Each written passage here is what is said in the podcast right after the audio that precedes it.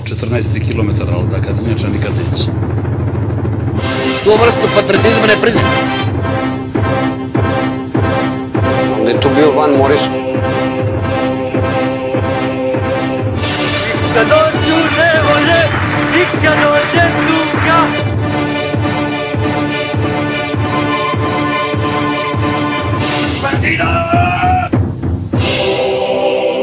Ima koga da volim, volim Partizan.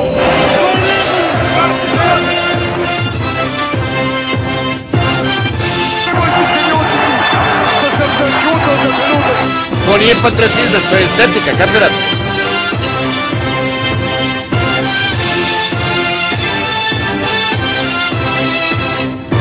Nikad neće.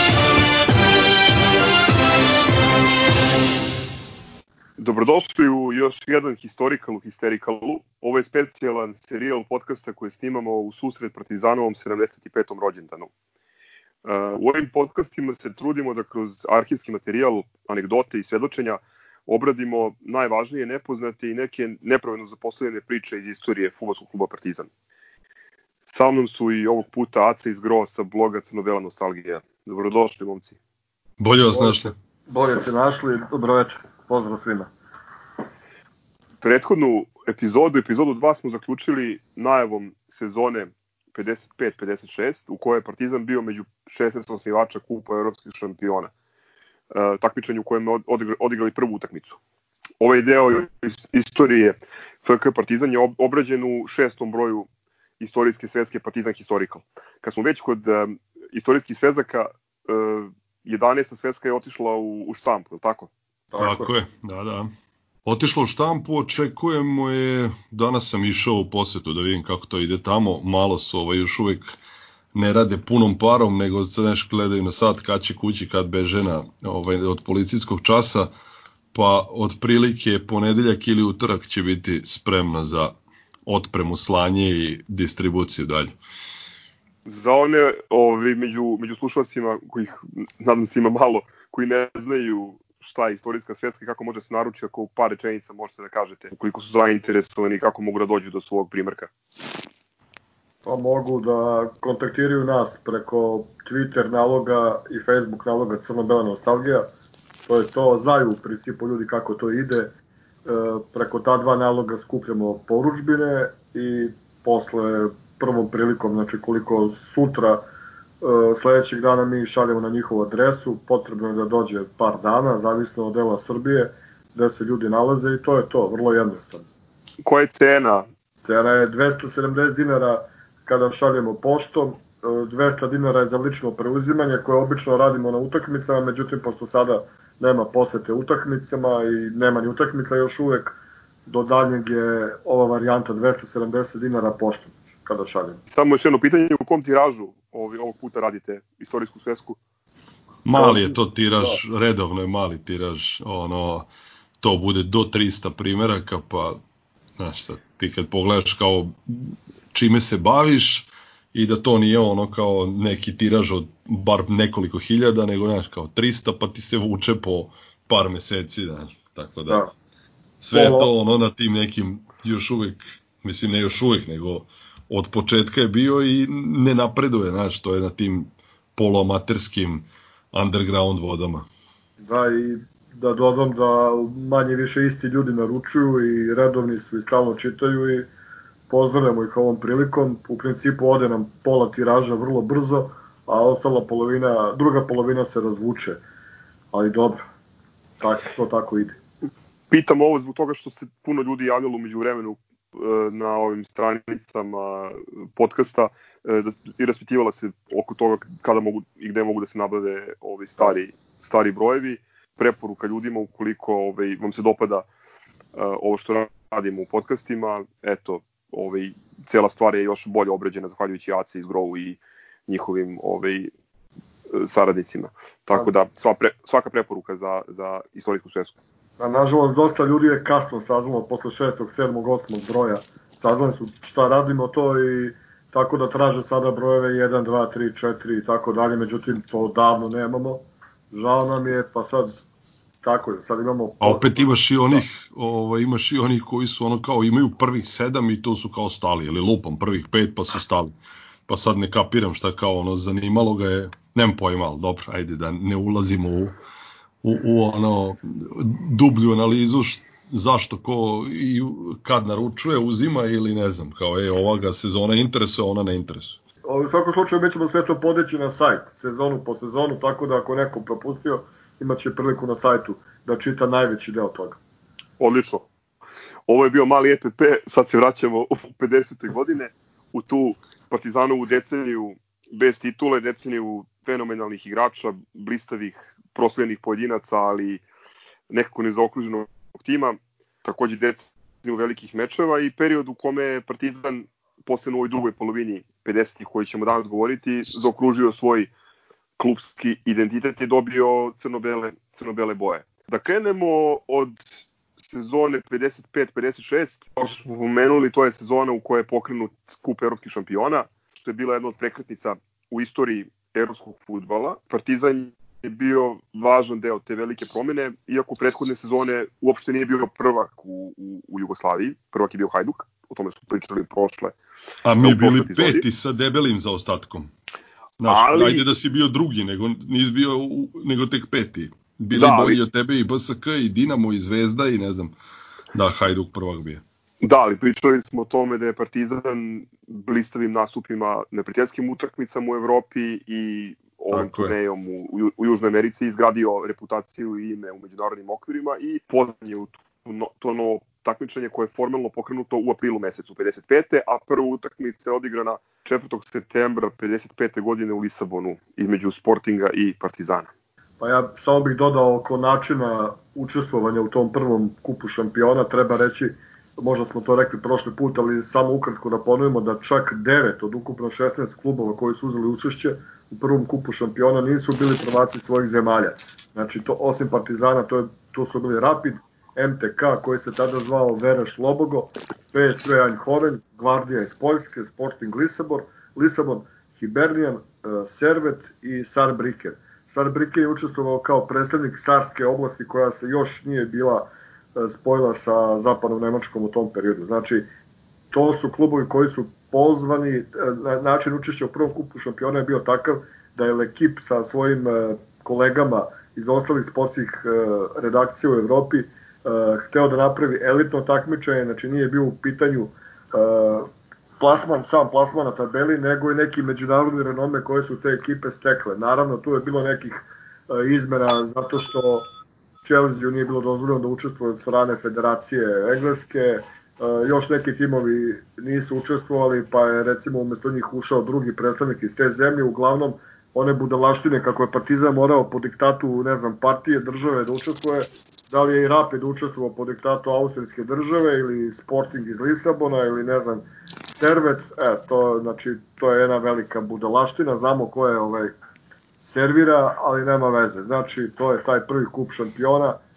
i samo bih rekao da je taj trener bio Aleksandar Tomašević i da ovaj, mala ispravka na sajtu Partizana stoji da je da je Partizan igrao u osmini finala, ne, Partizan je došao do četvrt finala protiv Reala. Ovo, tako da bi to, ako neko sluša, da neka to ispravi na zvaničnom sajtu kluba. Eto, ako hoće zbro da se ne doveže sa utakmicama, samo bih rekao da je, da je učešće u kupu šampiona, znači Partizan je klub koji je otvorio kup šampiona i to niko nikad ne može da izbrši. Partizan i Sporting, naravno.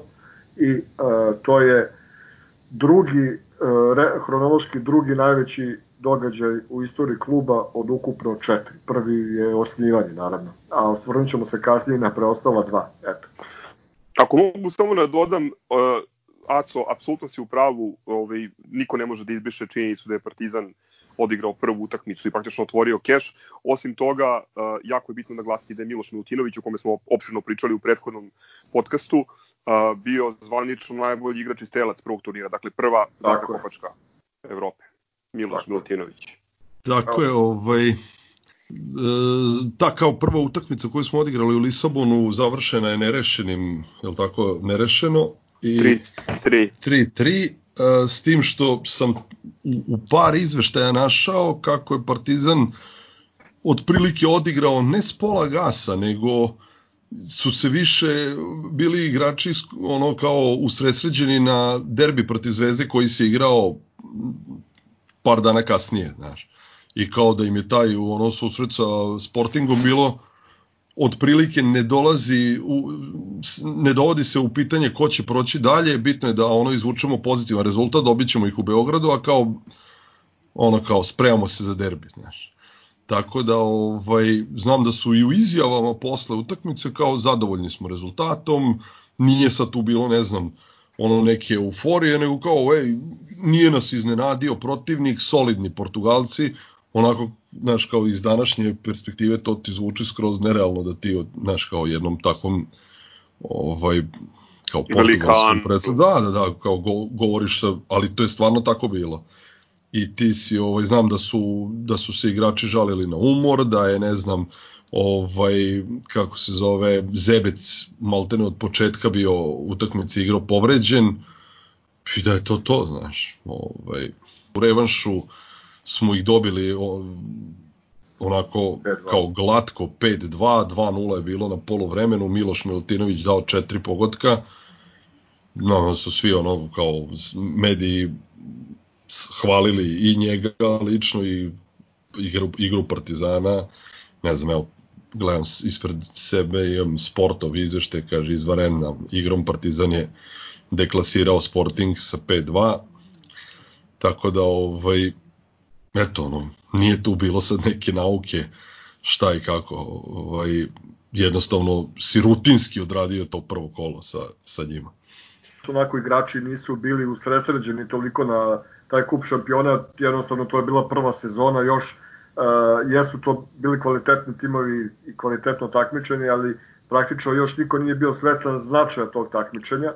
Ali eto, ti ljudi iz ekipa zajedno, zajedno sa ostalim sportskim novinarima iz Evrope su rešili da naprave jedno reprezentativno takmičenje gde neće moći sad Englezi da tvrde, ne znam, Wolverhampton je najbolji u svetu ili neko drugi da kaže u Rusiji Dinamo Moskva je najbolji, nego jednostavno da se po jasno utvrđenim propozicijama odigra jedno takmičenje najboljih u Evropi i da pobednik tog takmičenja bude neko ko se može okititi titulom najboljeg kluba u Evropi. Tako da E, naravno uspeh tog kupa šampiona prvog je bio ogroman, tako da je već u sledećim sezonama naišao na, opštu, na opšte oduševljenje i prihvatanje i od strane klubova i od strane matičnih saveza, ovaj, koji nisu pozivali klubove za prvo takmičenje, tako da je tu otpada ona priča da je Partizan po dekretu morao da igra.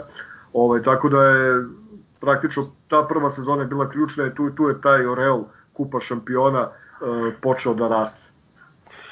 Hteo sam da kažem da je um, u finalu kao što, kao što je poznato svima, je li ovaj Partizan igrao sa predstavnikom Španije, sa Realom iz Madrida. Uh, ono što, što ljudi možda iz ove perspektive ne mogu da, da pojme u, u potpunosti, to je da u tom trenutku politički odnosi između Španije i SFRJ ne postoje. Ne postoje diplomatski odnosi, čak ne postoji ni telefonski saobraćaj, tako da ovi smo našli u nekim dokumentima da oni jugoslovenski mediji imali problem da dobiju informaciju o tome šta se dešavalo na utakmici u, u Madridu. Zbog tih političkih tenzija i zbog uh, upliva ovaj, političkog vojstva Španije predvođene Franciskom Frankom, utakmica za malo nije, nije odigrana.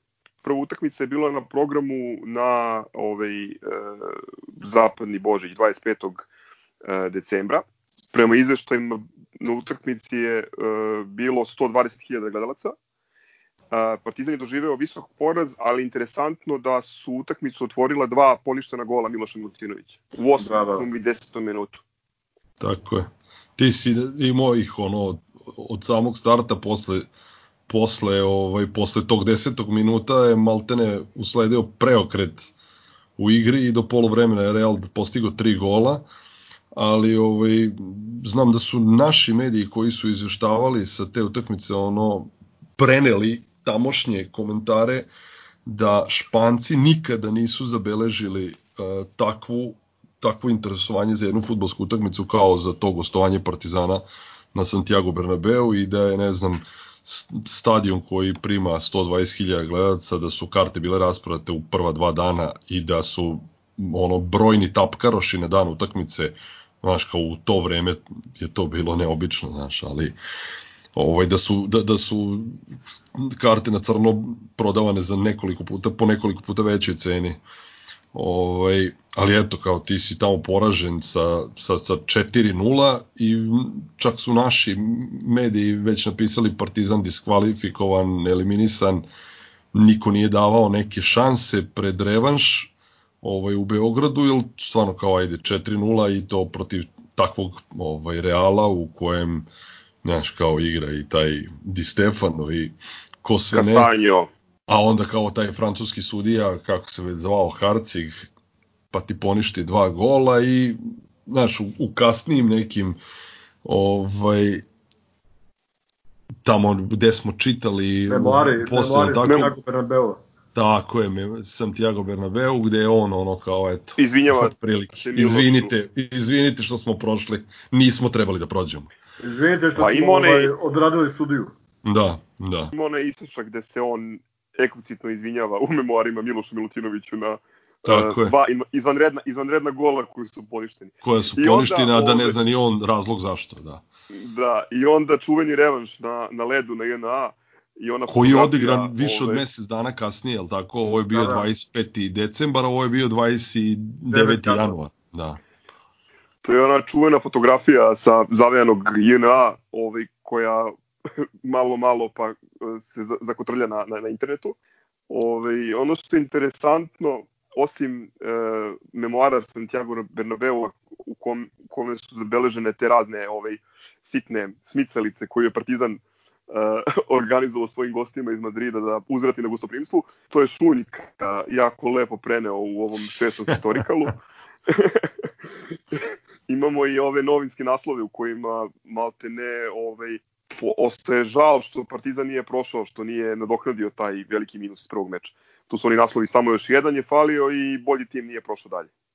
Da, ovaj, ja sam ono kao čitao te neke izveštaje sad skoro, podsjeća se šta, šta i kako, kaže, ne znam, drugo polovreme, jer u prvom mi smo poveli 1-0 golom ovaj, Milutinovića, a onda je sudija pred kraj polovremena svirao penal koji oni nisu iskoristili. Ali u drugom polovremenu Mihajlović vrlo brzo povisio na 2-0 i uglavnom kaže da je drugo polovreme se celo igrale su se Viktorije i evo ga pod naslov u sportu kaže samo slučajem samo pukim slučajem nije ocelo više lopti u Realovoj mreži, drugo polovreme igralo se Viktorije na jedan gol. Pa sve ono komentari, e ovo je nemoguće, jel moguće da ni ovo nije ušlo, e ovo je moralo da uđe, zujelo je sa raznih strana, govorili smo u sebi ili možda vikali ko zna. Ovaj, uglavnom, na kraju je Miloš Milutinović postigao i treći gol u 82. trećem minutu, bilo je još nekih 7-8 do kraja, ali eto, ostalo je, završilo se. Mislim da je neko pogodio prečku, da li Herceg na tri. Da, da, da, da, da, da. Inače, tada još nisu postojali produžeci, igralo se do 90. minuta i kraj.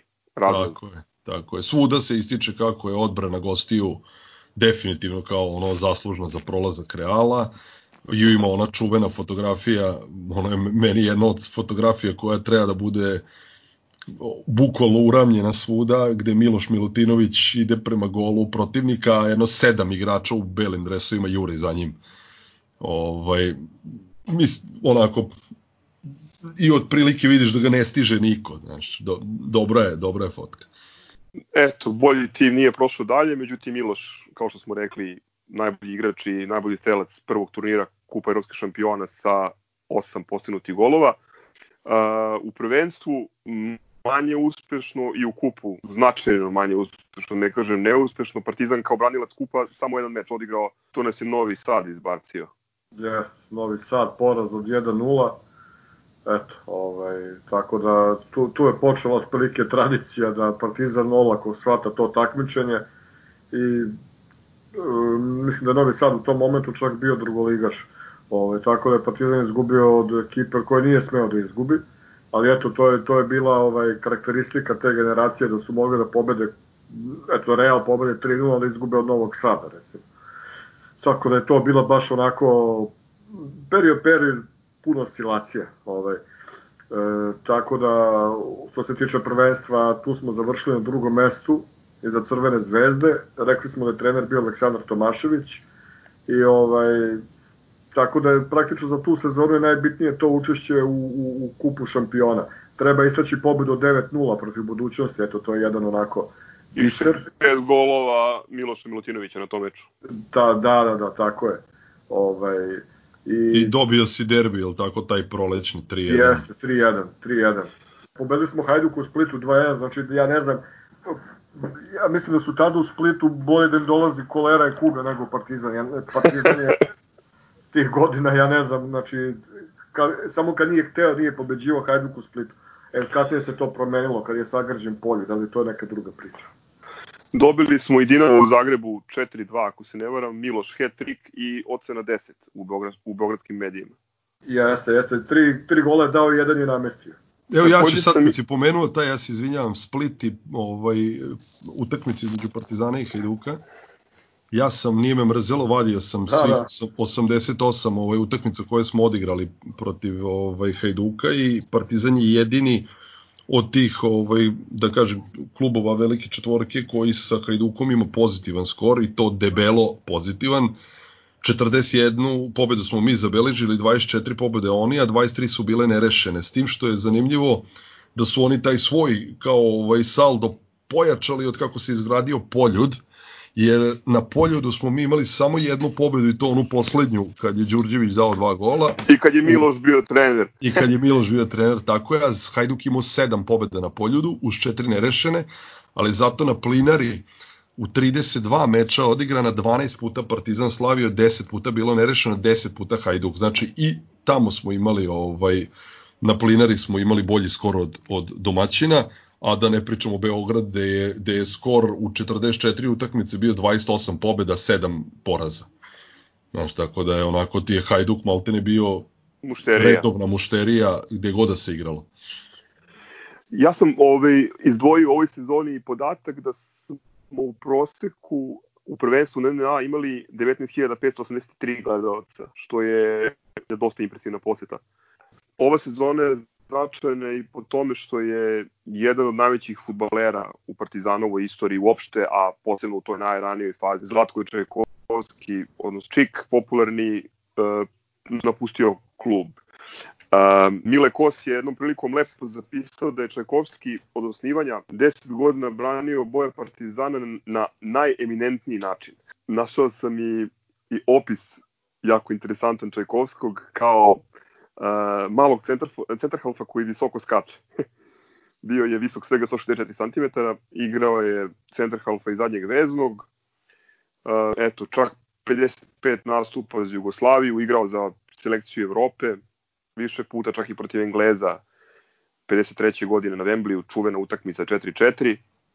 Bio najveća zvezda naše turneje po Južnoj Americi, jedan od redkih igrača iz Evrope za koga se znalo u to vreme u Uruguay i Argentini.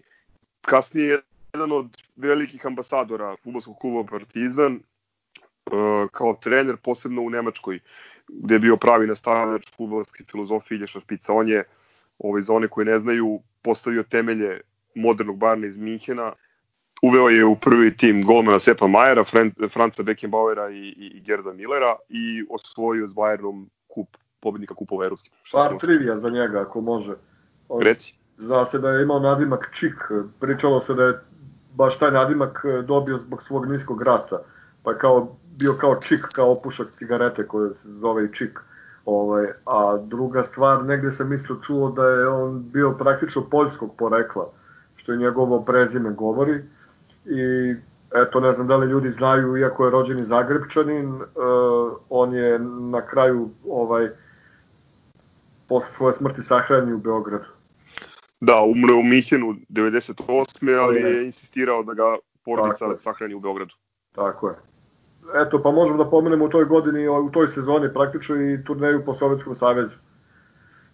55. godine i ona je došla posle, znači posle smrti Stalina, prošli put smo rekli kako su politička dešavanja uticali na futbal, e, pa je Partizan prestao da ide na turneje po Sovjetskom savezu i po istočnoj Evropi, ali kako je Stalin umro, onda su i ti odnosi između e, tadašnje Jugoslavije i i ovaj istočnih zemalja na čelu sa Sovjetskim savezom počeli da se relaksiraju i da otopljavaju i onda je Partizan eto te 55. godine opet otišao Sovjetski savez gde se susreo aj pomozite, sa Dinamom iz Kijeva, je tako, i sa Spartakom. Spartakom iz Moskve. Moskva, da.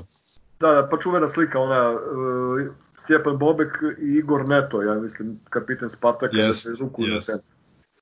Idemo u sezonu 56-57, uh, sezona koja je ostala upamćena po tome što je ovaj Partizan četvrti put osvojio kup Maršala Tita, odnosno kako se tada govorilo najdraži trofej ili trofej u najmasovnijem takmičenju. U toj sezoni čak 1705 ekipa se takmičilo u, u kupu Jugoslavije. Igrali smo... Da, s druge strane ti je ono prvenstvo bilo polukatastrofalno, završio si ga četvrto mesto, ovaj 10 pobeda i 10 poraza i tu je tako bilo nekih neverovatnih rezultata da ti u pretposlednjem kolu izgubiš na JNA od Zagreba recimo 5-2, a da onda odeš u Novi Sad pa pobediš Vojvodinu ovaj koja je se borila sa Zvezdom za titulu, ti ih pobediš 5-2, znaš, mislim, tako, pa si dobio Veleža 7-1, ovaj, i tako ono, nekih do, i redovno Hajdukar, dobro, ajde, to je, to je bilo normalno. Ali si gubio na jedna od Vardara, od budućnosti, ne Da, znam, da, znaš, tako, totalno, znaš, kao od Lokomotive iz Zagreba, Ja.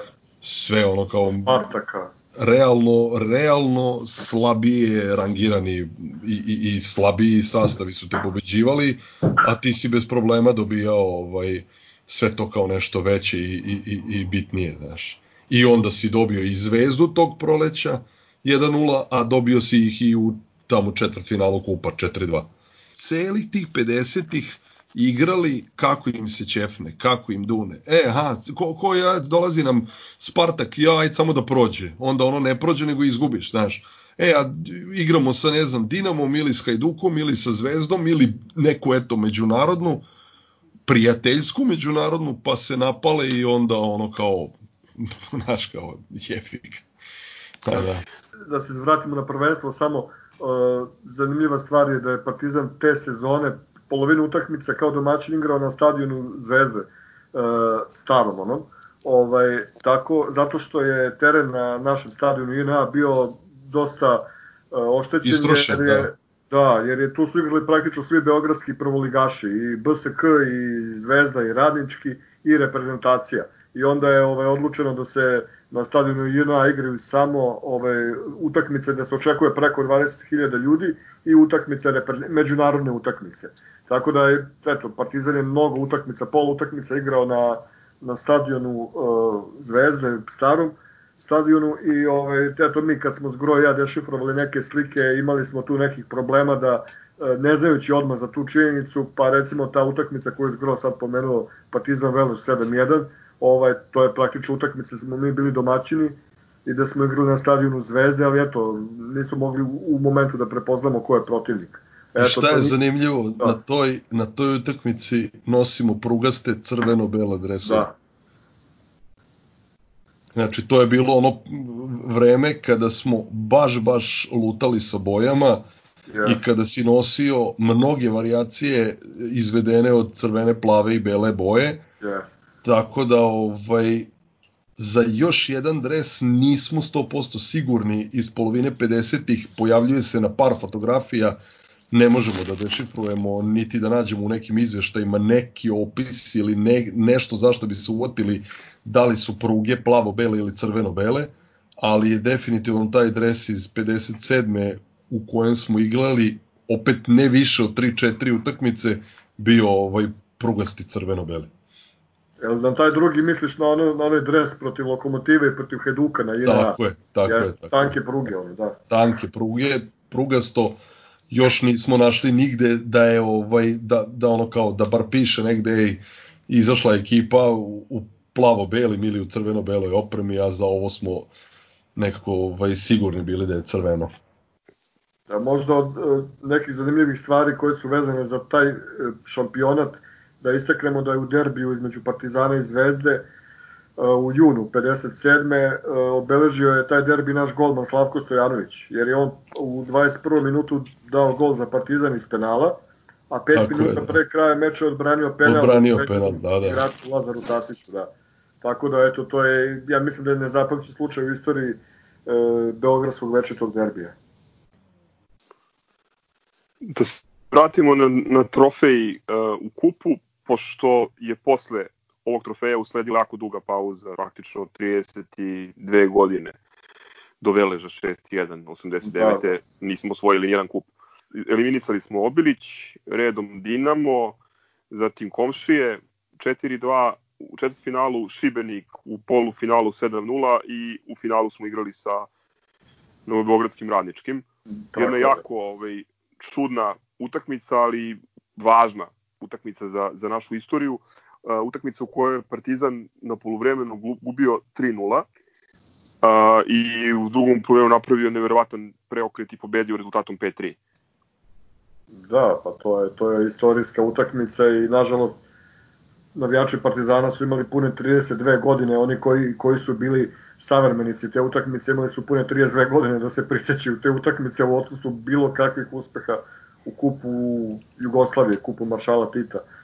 Tako da, eto, o, meč je odigran po, po žestokoj kiši i Partizan je tu utakmicu igrao u plavim dresovima, a Radnički je igrao u prugastim crveno-belim.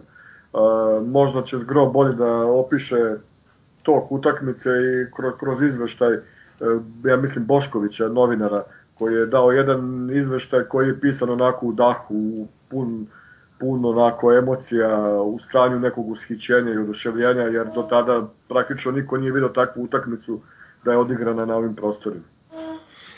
Da, vrlo interesantan je taj izveštaj koji je ovaj, B. Bošković napisao Branko za, Da, verovatno, da. Za sport, uh, ajde, kao ja ću pročitati par redova onako slikovito i vidiš da je bukvalno utrčao u, u redakciju i krenuo da kuca. Kaže, zbunjen sam, priznajem, redko se kada nešto slično dogodilo na našim futbolskim igralištima, plašim se za čitaoce sporta iz unutrašnjosti. Hoće li na, hoće li na vreme danas primiti list? Svi mi ovde iz redakcije viču da požurim, da diktiram daktilografkinji brže jer je već kasno, treba da se zaključi broj, a ja lutam, pokušavam da nekako pronađem početak jer kažu da od toga i zavisi čitav izveštaj. To je bila utakmica igra godine koju treba umeti dostojno obeležiti i ovakvim izveštajem. Žao mi je zbog vas koji ste prinuđeni da samo čitate o toj borbi, a koji niste imali tu sreću, a i hrabrosti s obzirom na, na jezivo nevreme da budete svedoci događaja na stadionu. Vi koji tamo niste bili nećete dobiti sliku te utakmice, ne bar onakvu kako biste zaslužili da dobijete. Žao mi je, izvinjavam se, ali zaista pravih reči ovako na brzinu ne mogu da se setim i te rečenice dostojne utakmice teško da ćete ovde pronaći. Bolje je, čini mi se, u ovakvoj situaciji da pokušam da ukoliko sam u mogućnosti samo verno hronološki iznosim ono što se stvarno dešavalo u tih 90 dramatičnih minuta. Da ne čitam sad ceo izveštaj, uglavnom ovaj, polovreme sve je bilo 3 stilu.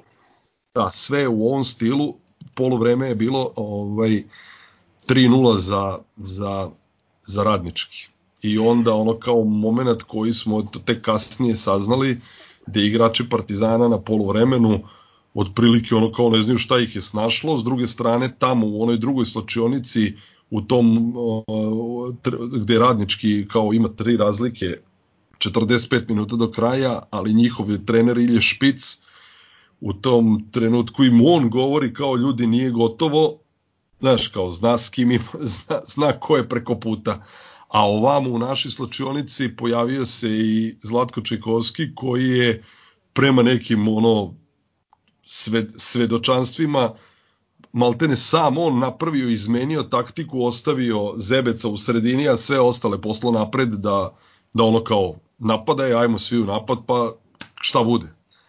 I stvarno je ovaj, drugo polovreme bilo, eto tako, malo neverovatno, gde Partizan bukvalno ono, na svakih 5-10 minuta šanse su bile jedna za drugom, ali Valok je smanjio odma već u 47. 8. minutu, potom je, ne znam, golove su dalovi, davali i Kaloperović i Mesaroš, pred kraj i Milutinović i sam Zebec, i to je već u, u nekoj 75. minuti postavljen konačan rezultat. Ali ti si eto od, u, u tih 20 minuta ili ajde kažem pola sata drugog polovremena dao pet golova i da kažem postavio stvari na svoje mesto. iako je radnički posle 10 minuta vodio 2-0. Da, da istaknemo da je naš trener bio na toj utakmici Florian Matekalo. Partizan je tu sezonu počeo sa Simonovskim na klupi, ali je u prolećnom delu na klupu seo Florian Matekalo i praktično eto, ovaj, učenik je pobedio učitelja.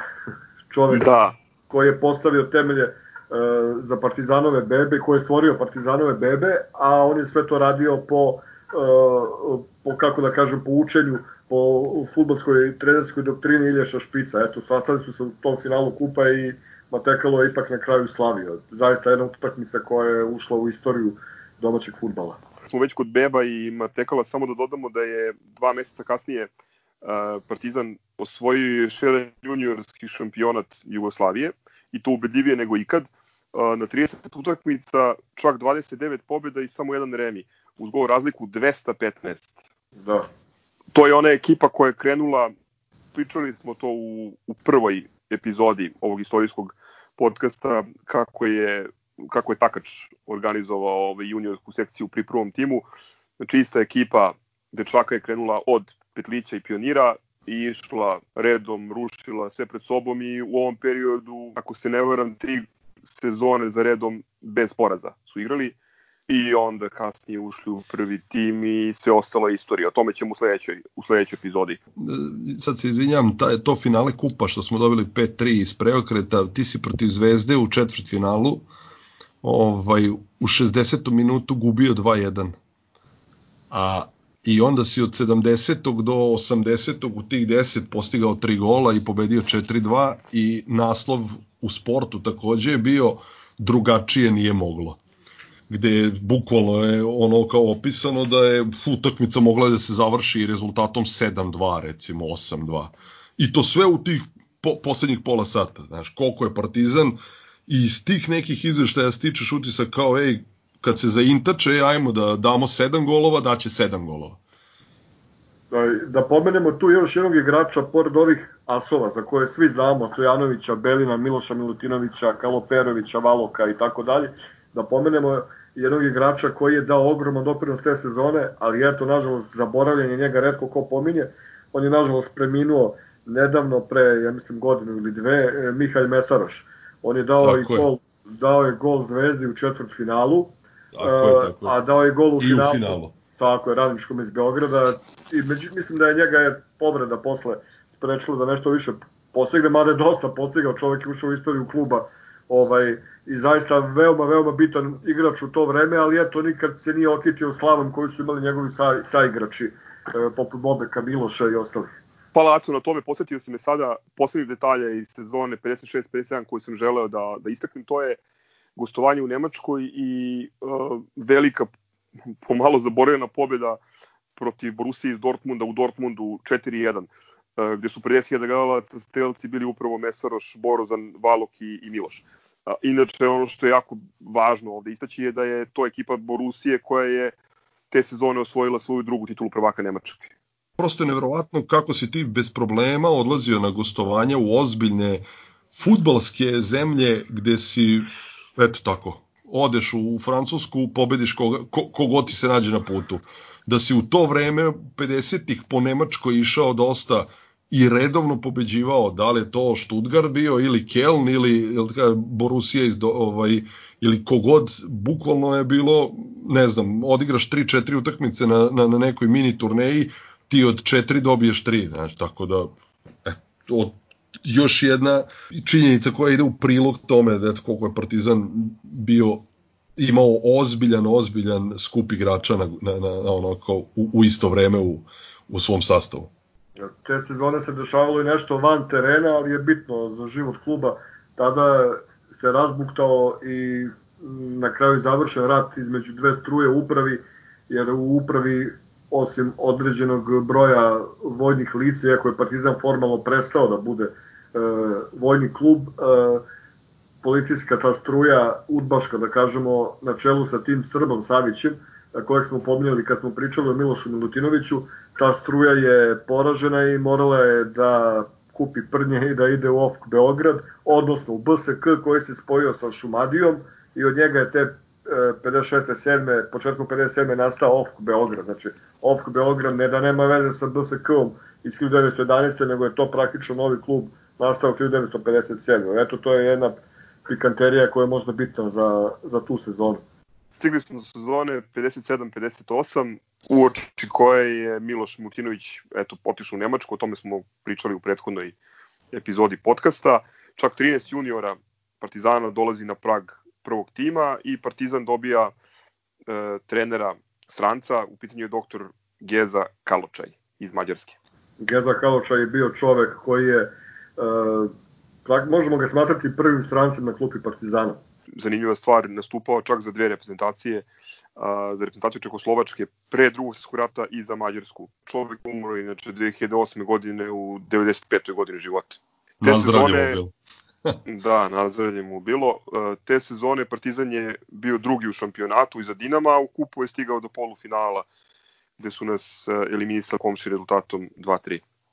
Interesantno je da se te godine taj kup je maltene odigran u sledećoj sezoni, to polufinale jer je kup za tu ovaj sezonu 57-58 počeo još utakmicama 16. finala u novembru, gde smo pobedili Timoka 1-0, pa si ne znam u februaru savladao prilepsku pobedu s nekim velikim rezultatom od 11-0. Da. Tako je, i posle samo nedelju dana si pobedio i Zagrebu, Zagrebu 3-1 i onda nije ovaj zbog svetskog prvenstva te godine koje se održavalo u Švedskoj iz gusnutog rasporeda žurilo se da se završi ovaj prvenstvo i nisu uspeli da nađu dva termina kako bi se odigralo polufinale i finale kupa, pa je finale, ovaj, polufinale protiv Crvene zvezde odigrano tek u oktobru 58. Znači, maltene ono, debelo već je zagazilo u sledeću sezonu, gde smo poraženi od Crvene zvezde 3-2.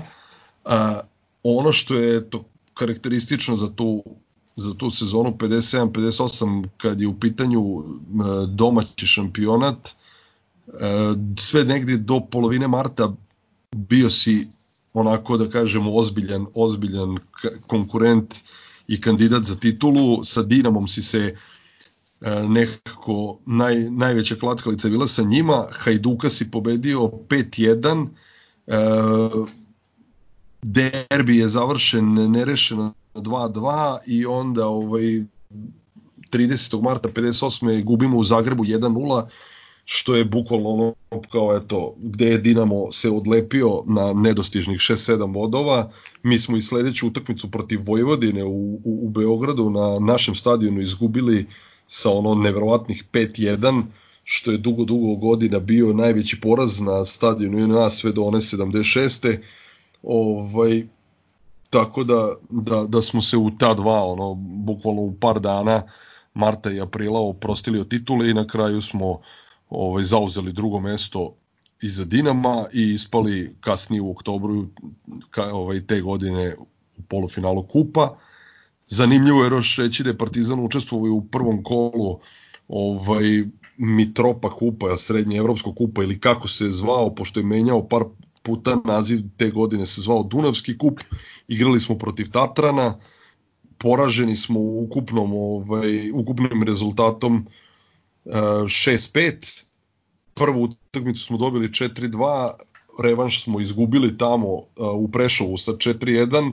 Interesantno je da je ta prva utakmica odigrana u Kragujevcu, igrana je 25. maja, stadion je bio ono, zna se šta je ovaj, za dan, dan mladosti.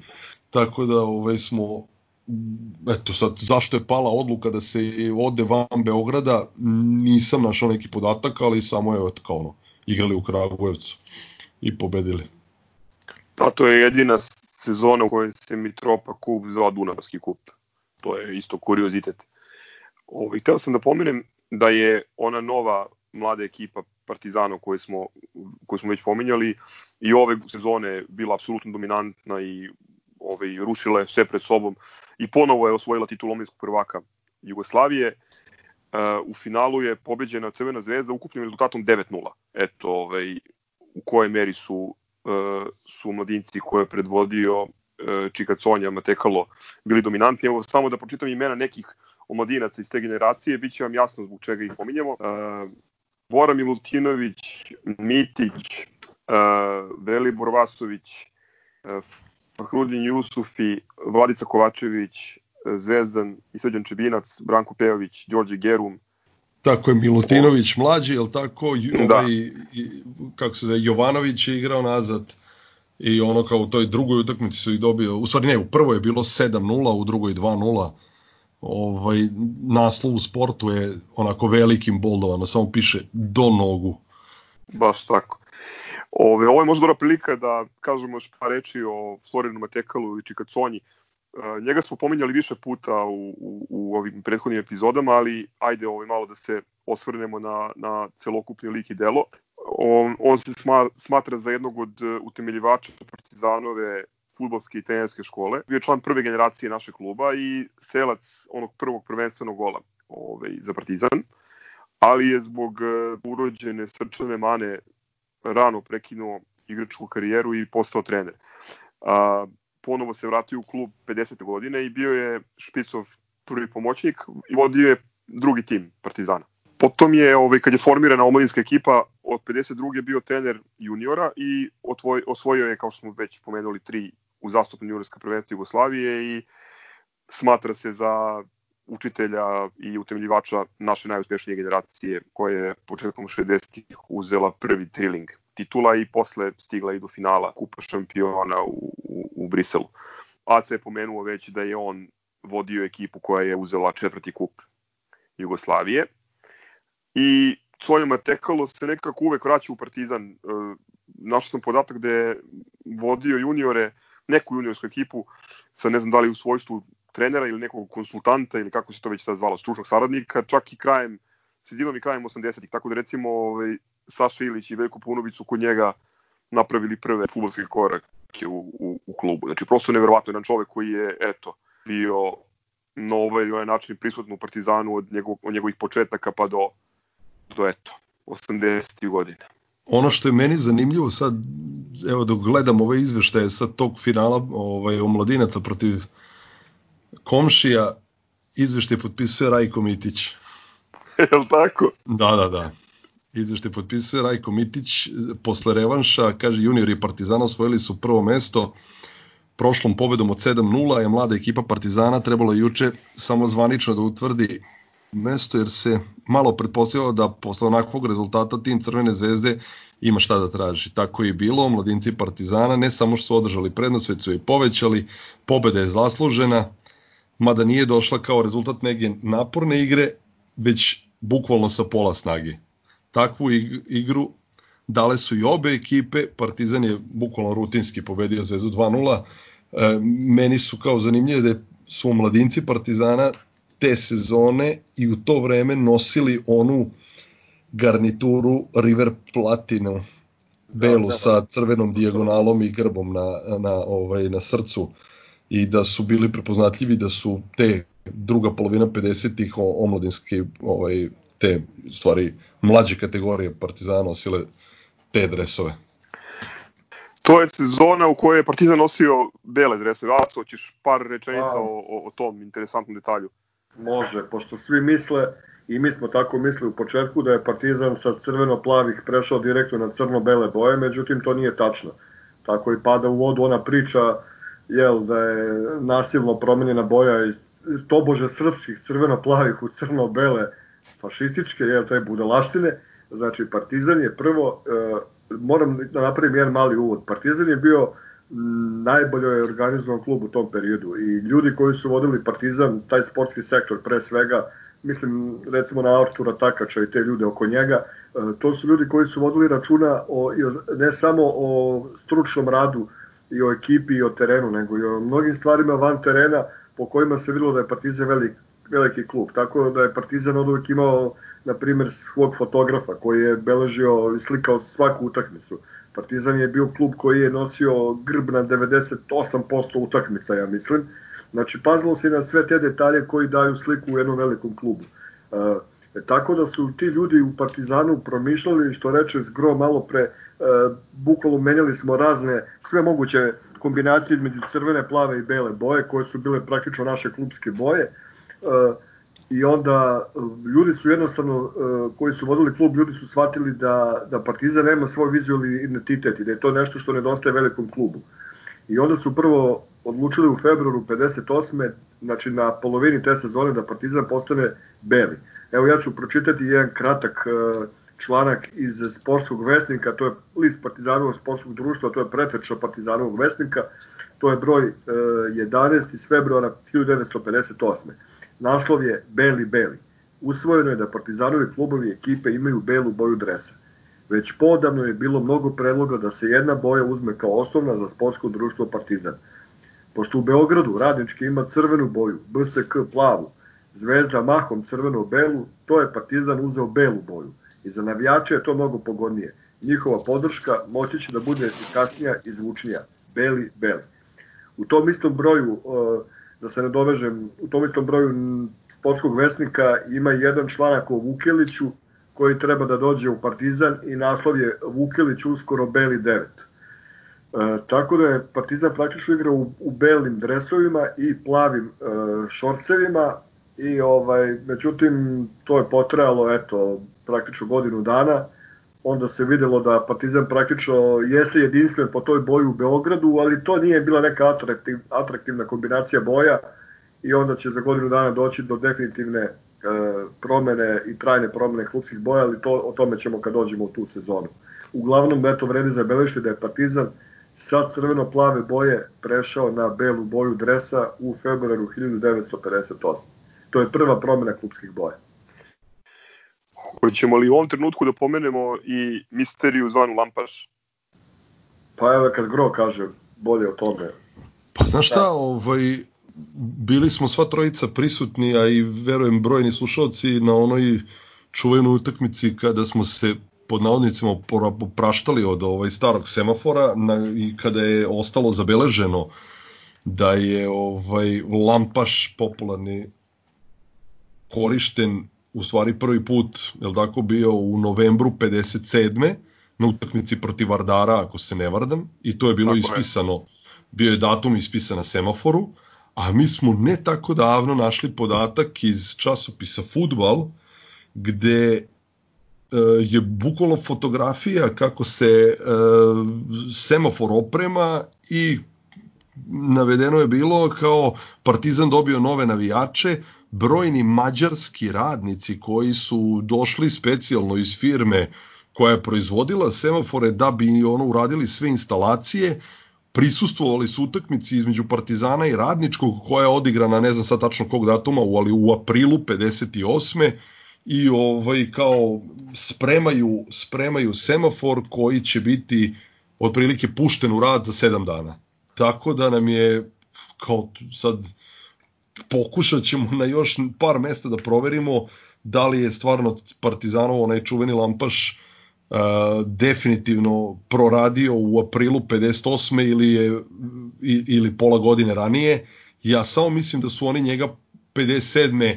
da su skinuli možda prethodni semafor i da su krenuli radovi znaš, pa kao ušli u neki zimski period, pa još par meseci dok se to nije desilo, pa dok nisu došli uh, ovaj, stručnjaci iz Mađarske da ga osposobe i da ga pokrenu, nekako mi sad više smisla ima ova priča da je stvarno to bilo u aprilu 58.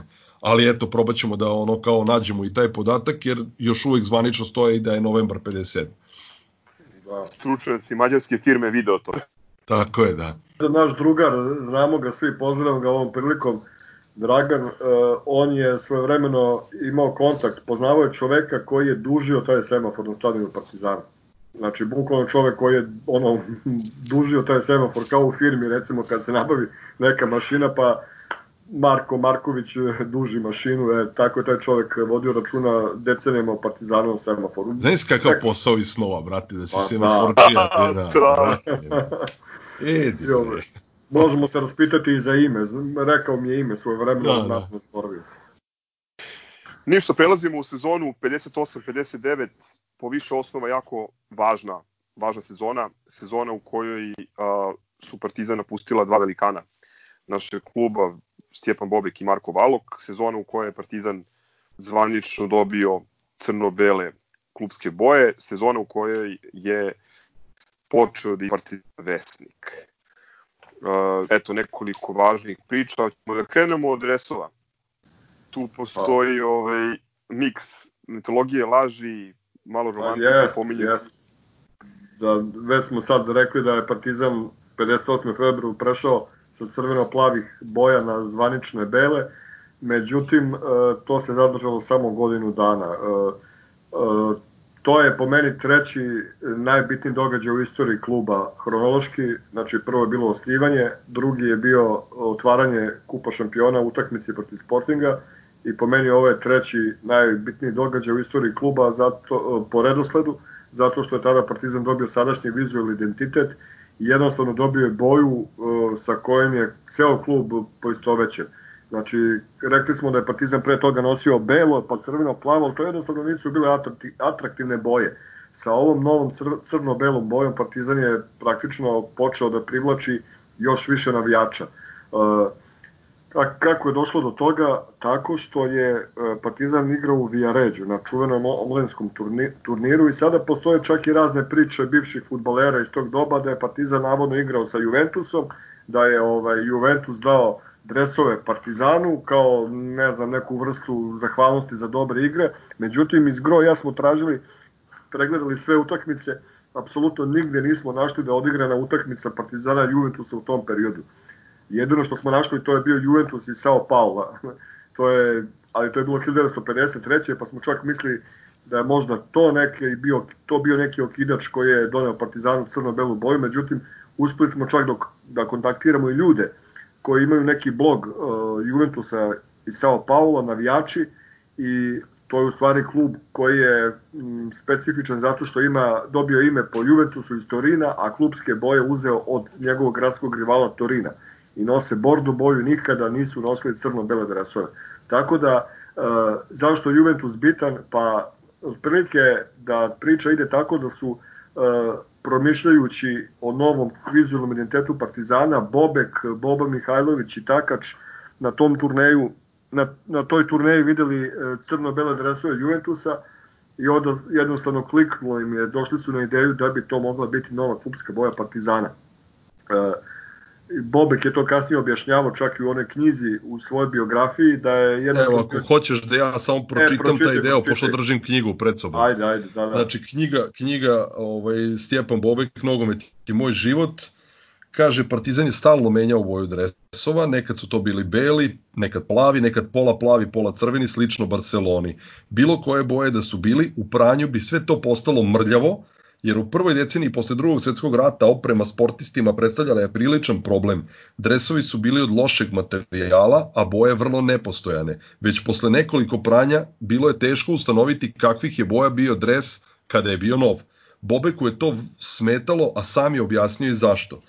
Ja priznajem da sam od detinjstva, pa i celog života bio kicoš. Od uvek sam želeo da se lepo oblačim i da izgledam uredno. To sam želeo i na samom terenu. Ja sam recimo sam svoje kopačke glancao po nekoliko puta dok ne izađem na teren da dobiju visoki sjaj, iako sam znao da će i pre nego što se ubija dune u pištaljku već biti umazane blatom. Ali sam ih uvek iznova dovodio u stanje punog sjaja. Pa onda svi su imali crne pertle, a ja sam uvek nabavljao bele. I njih sam redovno prao, jer mi se sviđala ta kombinacija crnog i belog. Kada je počelo uveliko da se priča da je Partizan spreman da izabere jednu boju ili jednu kombinaciju boja, predložio sam da to bude crno-belo, što je početkom 59. i usvojeno. Tako da evo, sam Bobek je u, u, u knjizi koju je Freddy Kramer napisao o njemu dok je on još bio živ, ovaj najslikovitije opisao da je on, on stoji iza toga da smo kad i kako smo postali crno-beli. Ima tu i onaj, ono, onaj deo svedočenja Artura Takača, Tako koji je tad bio podpredsednik, generalni sekretar kluba i praktično siva eminencija, kako su on, Bobek i, i, i Bob Mihajlović da. išli, išli na umku u ove se Zelengora zove više i ne znam kako yes. se zove ona ona firma. Evo evo ove... ja mogu dopustiti mi molim da pročitam kratak članak E, koji je nastao nekoliko meseci kasnije, to je e, iz Partizanovog vesnika, znači tada je Partizan je, samo da kažemo, Partizan je prvi put obukao crno-beli dres u utakmici protiv e, utakmici Kupa Jugoslavije protiv Borca iz Titograda. To je bio tim garnizona Jugoslovenske narodne armije. Partizan je pobedio 1-0, a čas da postigne prvi gol u crno-belom dresu imao je Milan Vukelić. Uh, sedam dana kasnije, 15. marta, Partizan je uh, u prvenstvu obukao prvi put crno-beli dres protiv Vojvodine. Partizan je pobedio 2-0, a oba gola uh, je postigao Branislav Mihajlović. Znači, Vukelić je bio prvi strelac u novom dresu uh, u kupu, a Branislav Mihajlović u prvenstvu. I samo bih sad završio sa ovim člankom. Uh, znači, Partizan tada u martu 59. kreće da, sa nošenjem crno-bele opreme, a ostali klubovi sportskog društva su se u hodu prebacili na crno-belu boju. I taj članak kaže sledeće. Odluka upravnog odbora sportskog društva Partizan da društvene boje budu crno-bele proširila se na sve klubove. Sekretarija društva je sklopio ugovor sa preduzećima Zelengorom iz Umke i Banaćenkom iz Pančeva o izradi garnitura dresova u crno-belim bojama za sve klubove Partizana. Treba napomenuti da će se izraditi veći broj vunenih majica u društvenim bojama koje će članovi društva i klubova moći da kupuju i za ličnu upotrebu. Eto, znači to je taj e, veoma, veoma bitan događaj za istoriju kluba kada je Partizan dobio svoj novi identitet i samo da dodam još, to nije nikakva ek ekskluzivnost Partizana, mnogi veliki klubovi su tokom svoje istorije menjali klubske boje. Hajde da ne, prič, ne pričamo o Englezima koji su u, u periodu osnivanja i posle osnivanja pre 100-120 godina e, menjali klubske boje, ali recimo u novijoj nekoj istoriji imamo primer Leeds Uniteda koji je posle Partizana 61. prešao na svoje sadašnje boje, pa imamo a, primer Dundee Uniteda koji je, ja mislim, sa belo-crnih prečeo na naranđasto crne dresove negde krajem 60-ih, tako da dosta je tih klubova koji su uh, u nekom momentu odlučili da prihvate neku novu boju koja ih je kasnije proslavila. Tako da i Partizan te 59. postao crno-bel. Ono što je meni interesantno u ovoj priči sa dresovima, mislim, osim činjenice da je jeli, Bobe Kicoš želeo ovaj, da bude ovaj, u trendu, um, ta potreba da se, da se razlikujemo od, od, od drugih klubova. Uh, u tom trenutku je Ljubljanska olimpija nosila crno-belo, ali ona uskoro prešla na zelene dresove. Tako je, tako je. Da, ovaj, crno-belo, uh, pa ovaj, ja bih samo nešto dodao, postoje te razne bolesne priče, možda nije moment da se osvrćem, ali eto, kao znaš, ono Tuđman, ovaj, Tuđman Ustaša dao crne boje, te budalaštine, da li je po toj logici, da li je Olimpija ustaški klub, da li je Bor ustaški klub, da li je Čukarički ustaški klub, to su sve klubovi su County, North Voli... County i pa, Newcastle United. To, to, toliko umopolna priča da nemam reči. Ali, e, da, ja moram da kažem ovo, ja sam kao klinac bio malo začuđen, e, znao sam kontekst u kojem su svi ti klubovi nastali, i Partizan, i Zvezda, i Dinamo, i šta ja znam, I zaista mi je bilo neobično zašto Partizan jedini odskače sa bojom, jer su svi oni nosili crveno, plavo, belo ili neku kombinaciju tih boja. Jedino Partizan je imao neku boju koja je zaista bila avangardna. Tako da, eto, Olimpija je krajem 60-ih prešla sa crno-belih na zelene i Partizan je praktično tih značajnijih klubova u Jugoslaviji ostao jedini klub koji je uh, uh, nosio crno-belu boju. Hoćemo kako da pomenemo početak Partizanovog vesnika koji je uh, prvi broj izašao neposredno pre Partizanovog 13. rođendana.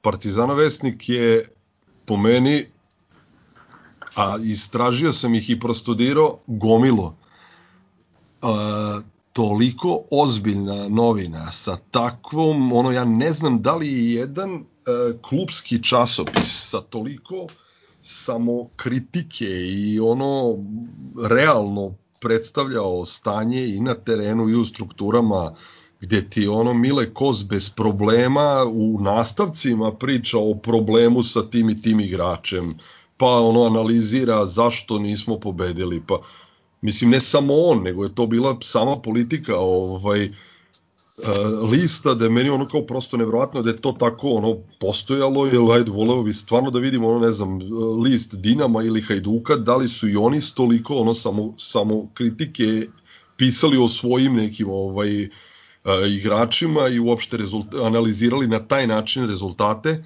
Uh, preteča Partizanog vesnika bio je takozvani sportski vesnik, čiji je prvi broj izašao nešto pre toga, recimo početkom 57. Mislim da je u februaru 57. izašao prvi broj i taj list bukvalno je izlazio tih godinu ili godinu i po dana dok se nije pojavio Partizanov vesnik uh, koji je znači definitivno počeo da izlazi prvi broj nešto par dana pre rođendana E, gde je na naslovnoj strani tog rođendana 58. gde je na naslovnoj strani kaže ovim brojem nastavljamo da izdajemo list naših sportskog ovaj kolektiva sportsko društvo Partizan je počeo od 1951. godine s kraćim prekidama prouzrokovanim mahom teškom teškoćama finansijske prirode stalno imalo svoj list tako da Partizanov vestnik predstavlja u stvari njegov produžetak samo pod novim imenom Partizan je veliko sportsko društvo koje u 17 kluba okuplja oko 3000 aktivnih sportista i oko 12.000 pomažućih članova i sada da ne čitam dalje, uglavnom znači eto od 51. si ti imao neki list ko, koji je ono izlazio sporadično, povremeno, e, sa nekim pauzama, prekidima i uglavnom eto Partizanov vesnik od 58. od oktobra počeo je da izlazi kao ovaj kao zvanično glasilo kluba. Evo, Zgro je pomenuo Partizanov vesnik, e, ja bih samo dodao kad je u pitanju Partizanov vesnik, to je bio najbolji klubski sportski časopis na najlošijem papiru. Ove, e, što se tiče vesnika, e, u trećem broju Partizanovog vesnika objavljen je jedan ovako baš žestoko kritički tekst o Branku Zebecu. Branko Zebec je na toj polusezoni 58-59. otišao u, u Crvenu zvezdu. Ovaj, ne znam zašto ga niko od zvezdinih ljudi navijača ne pominje kao njegovog kao njenog člana i vrlo istaknutog člana koji je tamo osvajao i trofeje, ali dobro, to je njihova stvar, ali ovaj, Zebec se neslavno oprostio od Partizana. Uh, I tako da je tu uh, u tom broju vesnika uh, taj slučaj Branko Zebec bio glavna tema. Evo, citiram, kaže, ono što nije uradio ni jedan član Partizana, niti jedan od 30 kapitena prve i druge lige učinio je upravo kapiten Partizana Branko Zebec. On je mimo kontakta sa svojom upravom i u Beogradskom futbolskom savezu najavio odlazak iz kluba i o tome dao izjavu štampanim medijima. Drugih nije ni bilo inače čime je delovao diametralno suprotno od obaveze koju ima kao igrač i pre svega kapiten jednog kluba. Poznato je i po FK Partizan teška činjenica da je Zebec odbio da nastupi na meču protiv Splita kada se od Partizanovog dresa opraštao Stjepan Bobek. Konačno, u nizu nedopustivih postupaka, on pred predsednikom kluba i u prisustvu igrača prvog i omladinskog tima izjavio da će za Partizan odigrati još kup utakmicu u Kragovicu i da posle toga klub više ne računa na njega. Branko Zebec se neslavno oprostio od kluba, bilo je tu dosta gorčine i teških reči između njega i Partizana, ali naravno ne možemo izbrsati sve ono što je on dao uh, za Partizan kao klub i njegovu igračku veličinu. Kad smo već rekli Zebec, Zebec i Bobek su bili otprilike rogovi u vreći, to, to je bio sukob dve sujete i Zebec je odbio znači da igra na tom oproštaju e, Bobeka od Partizana. To je praktično prvi oproštaj e, Bobeka od Partizana. To je bilo e, u sezoni 1957-58 kada je Partizan u aprilu igrao protiv Splita. Pomalo, ne pomalo, nego vrlo nedostojan oproštaj kluba od Bobeka zato što je to bio meč protiv ipak skromnijeg protivnika pred relativno malim brojem gledalaca, oko 15.000 ako se ne varam, e, po lošem vremenu Međutim, e, klub je odlučio da u narodnoj sezoni u septembru 58. znači to je sezona 58-59. klub je odlučio da vrati Bobeka. I Bobek je odigrao e, posle te utakmice, ja mislim još pet utakmica, zaključio sa derbijem protiv Crvene zvezde, koji je Partizan izgubio 2-0, to je 23. derbi po redu i e, to je bila posljednja utakmica e, Stjepana Bobeka u Partizanu. Eto, Bobek nije dočekao da da ponese crno-beli dres u, u svojim e, takmičarskim nastupima. Uradio to kasnije igrajući za veterane partiza, Partizana, ali to je već nešto drugo. E, dakle, tu mi praktično imamo smenu generacija. Zebec je otišao u Zvezdu, Bobek je e, na kraju kalendarske 58. odnosno u polosezone 58-59 e, prestao sa karijerom aktivnog futbalera. a Marko Valok se oprostio u februaru 1958. 59. 59. izvini, da, 59. u utakmici protiv Legije koja je završena 5-5 i to je posljednja utakmica Partizana u staroj opremi. Eto, znači, ti, ti velikani Partizana i jugoslovenskog futbola su silazili sa scene uz ogradu da je Zebec nastavio karijeru u Zvezdi, a na scenu su nastupale na scenu su stupale Partizanove bebe. Posetimo se da su sezonu ranije prvi u vatru ubačeni Milutin Šoškić, Fahrudin Jusufi i Jovan, odnosno Zoran Miladinović, kako su ga zvali. A evo u ovoj sezoni i ostatak tih partizanovih beba je ušao u seniorsku ekipu, to su bili, bili Miroslav Rede, koji je kasnije se preselio u Zagreb, Ilija Mitić, Vladica Kovačević, Velibor Vasović, Zvezdan Čebinac i Dragoslav Jovanović. Neće svi oni ostati do, do finala Kupa šampiona. Naravno, ekipa je posle, znamo svi, e, pojačana sa pridošlicama iz drugih klubova. Uglavnom, ovaj, to je, to je, bila, e, to je bila sezona kada je definitivno e, urađena ta smena generacija.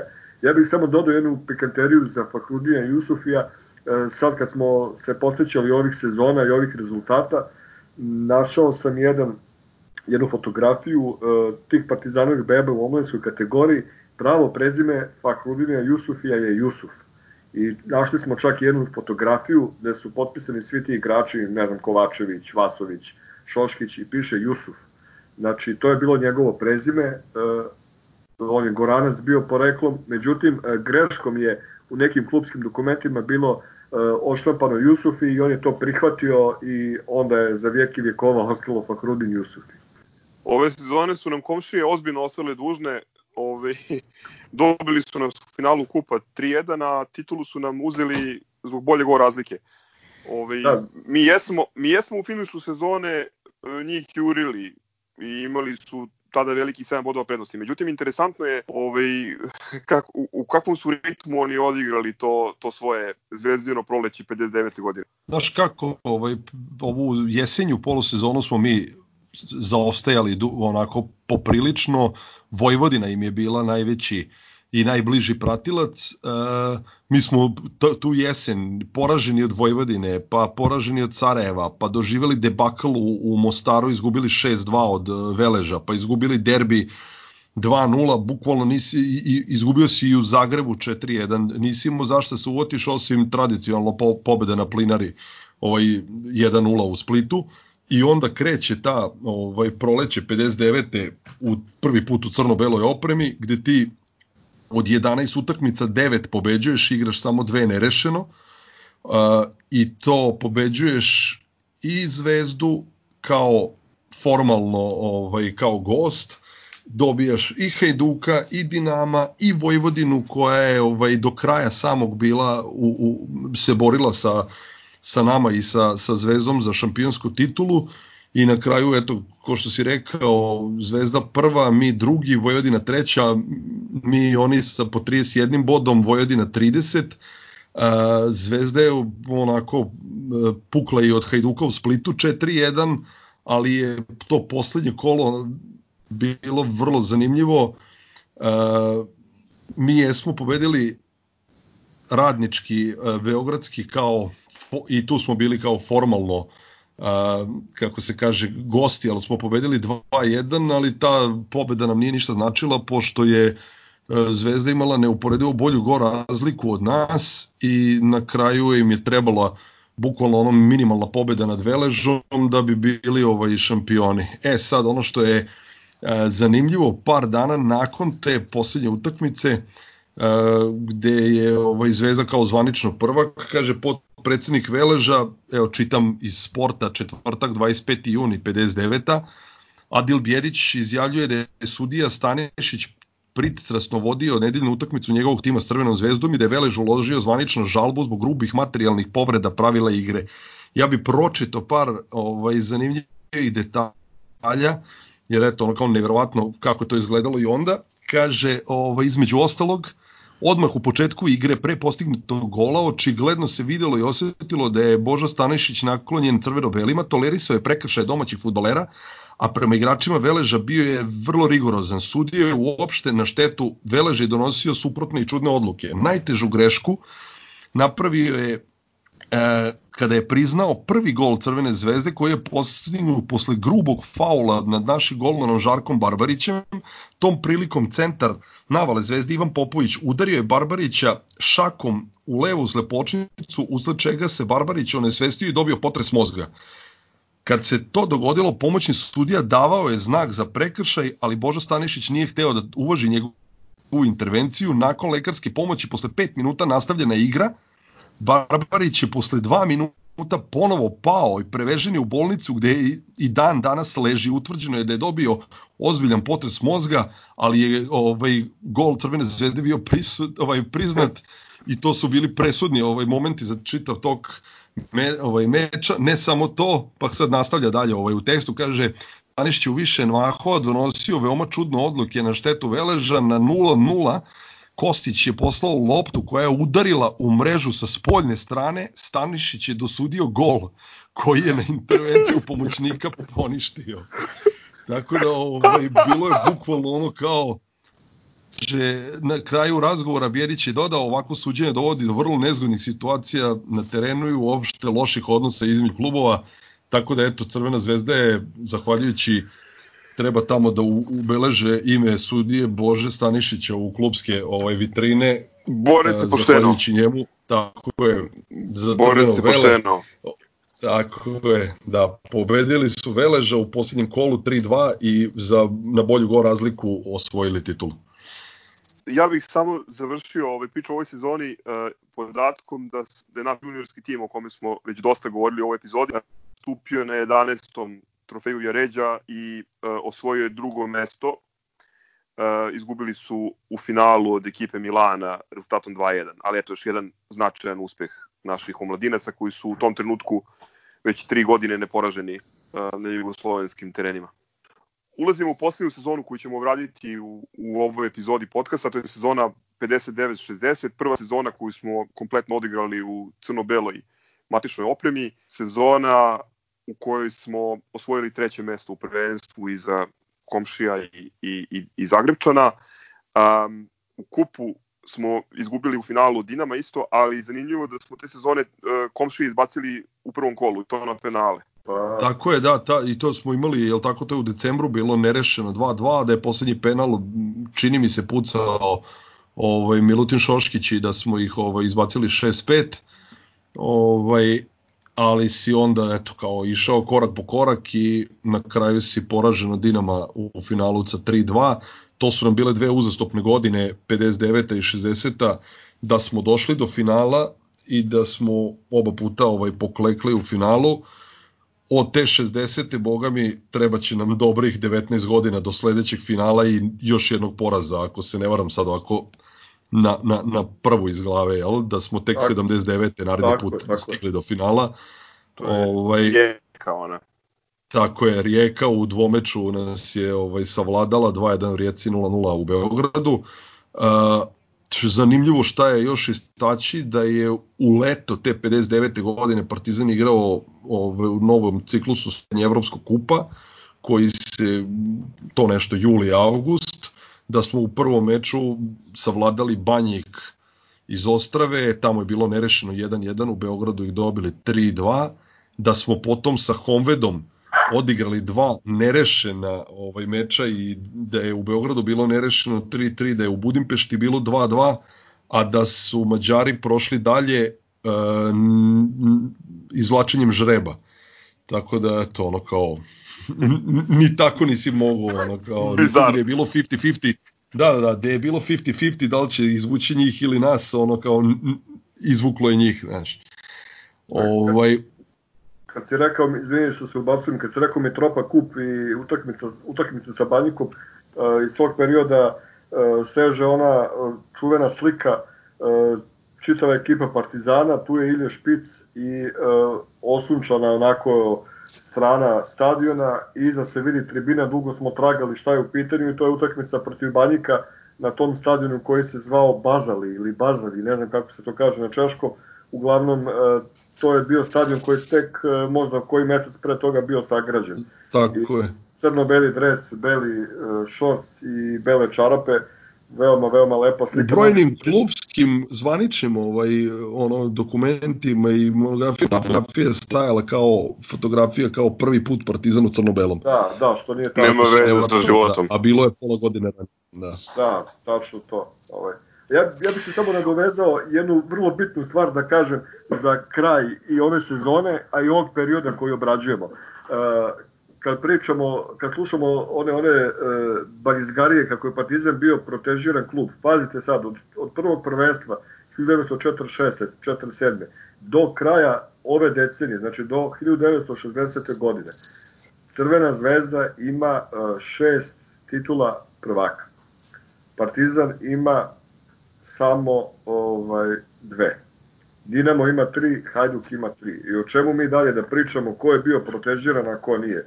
Pa kako je to protežiran klub koji je gurala vojska, armija, Tito, partija, kako je čekao 12 godina na titulu. Evo, samo neka, to je najprostija ona logika. Znači, ne treba ništa više dodati, samo treba pogledati statistiku iz tih perioda, a Zgro je malo predao ovaj, upečatljiv primer kako su sudije ovaj, i lopte koje su završavali u spoljem delu mreže sudile kao golove za naše, našeg rivala, tako da mislim da ova statistika od šest titula zvezde od 46. 7. do 1960. I, i, i samo dve titule Partizana sve govori. Ne računaš da, da, da. 46. Ne, koju je Terzić osvojio, a ovaj, ono što je za mene još bitnije od same statistike je činjenica da ovih 50. godina mi nismo uzeli njenu titulu, a imali smo apsolutno najkvalitetniju selekciju i u Tako smislu da pojedinaca i u smislu mladih igrača koji su prolazili kroz Partizanovu školu i kucali na, na, na, na vrata prvog tima. Kad se pogleda, mislim, apsolutno najbolje pojedince ovaj, ono, u, ne u jugoslovenskom, nego u širem evropskom formatu ima Partizan. A da, čak, čak neki igrači koji su bili veoma, veoma dobri igrači, ali nisu mogli da uh, se iskažu u Partizanu usled uh, tog broja kvalitetnih asova tipa Bobe Kabelina, Zebeca, Milutinovića, uh, otišli su u druge klubove kao na primjer Duvanđić i, i uh, kasnije Gerum u Slobodu, znači ljudi koji su držali te klubove i Mesaroš je mislim igra u Slobodi, znači to, to je nevjerovatno da su ti, ti ljudi koji su Partizanu bili, ajde možda ružno da kažemo višak, ali nisu izborili mesto, oni su bili prvi igrači u tim novim sredinama.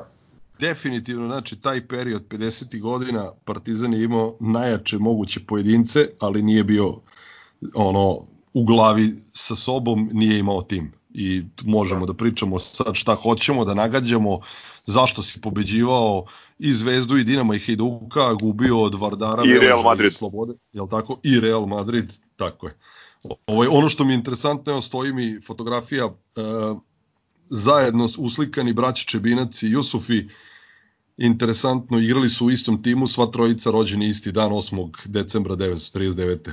O, nažalost, od njih je u životu samo još Srđan Čebinac koji danas živi na relaciji Rijeka Švajcarska. Za kraj samo još jedan podatak ono koji je teška egzotika. Partizan je ove sezone ovaj, odigrao i uh, mini turneju međunarodnu u Izraelu. Ovaj, što je onako bilo dosta inovativno, imajući u vidu ovaj, i, i, i status izraelskog futbala i politička zbivanja u tom delu sveta. Uh, vrlo je moguće da je razlog bio boravak uh, Zlatka Čakovskog koji je svoju poslednju sezonu kao profesionalac odigrao u Hapoelu iz Haifa. Da. I te 960. je tako na kraju šampionata odigrali smo i prijateljsku utakmicu sa Juventusom ovim pravim ovaj Torins, yeah. to, iz Torina, to je kao bila u stvari prva zvanična utakmica nas i, i Juventusa i italijani su tada, ono kao Juventus je i tada bio šampion Italije, zvao Partizan na neku tu kao revijalnu utakmicu, utakmica završena nerešeno 1-1, Galić je bio strelac i kaže ovaj da je Partizan apsolutno bio bolji u tom meču, ali eto to je tako. Sjajan trenutak da ovaj, zaključimo treću epizodu podcasta Historical u Hysterikalu. Ovaj, dolazimo na, na, na korak do 60-ih i, i prvog trilinga šampionskog i ovaj pravog ono prave renesanse Partizanovih beba u seniorskom fudbalu. E, hvala vam puno na, na, na društvu, na sjajnim ovaj, podacima i, i iz Partizanove istorije i ništa. Ovaj, Čujemo se prvom prilikom, jel? Da, nema na čemu. Pozdrav svima koji nas slušaju, hvala tebi na pozivu. Nikadić.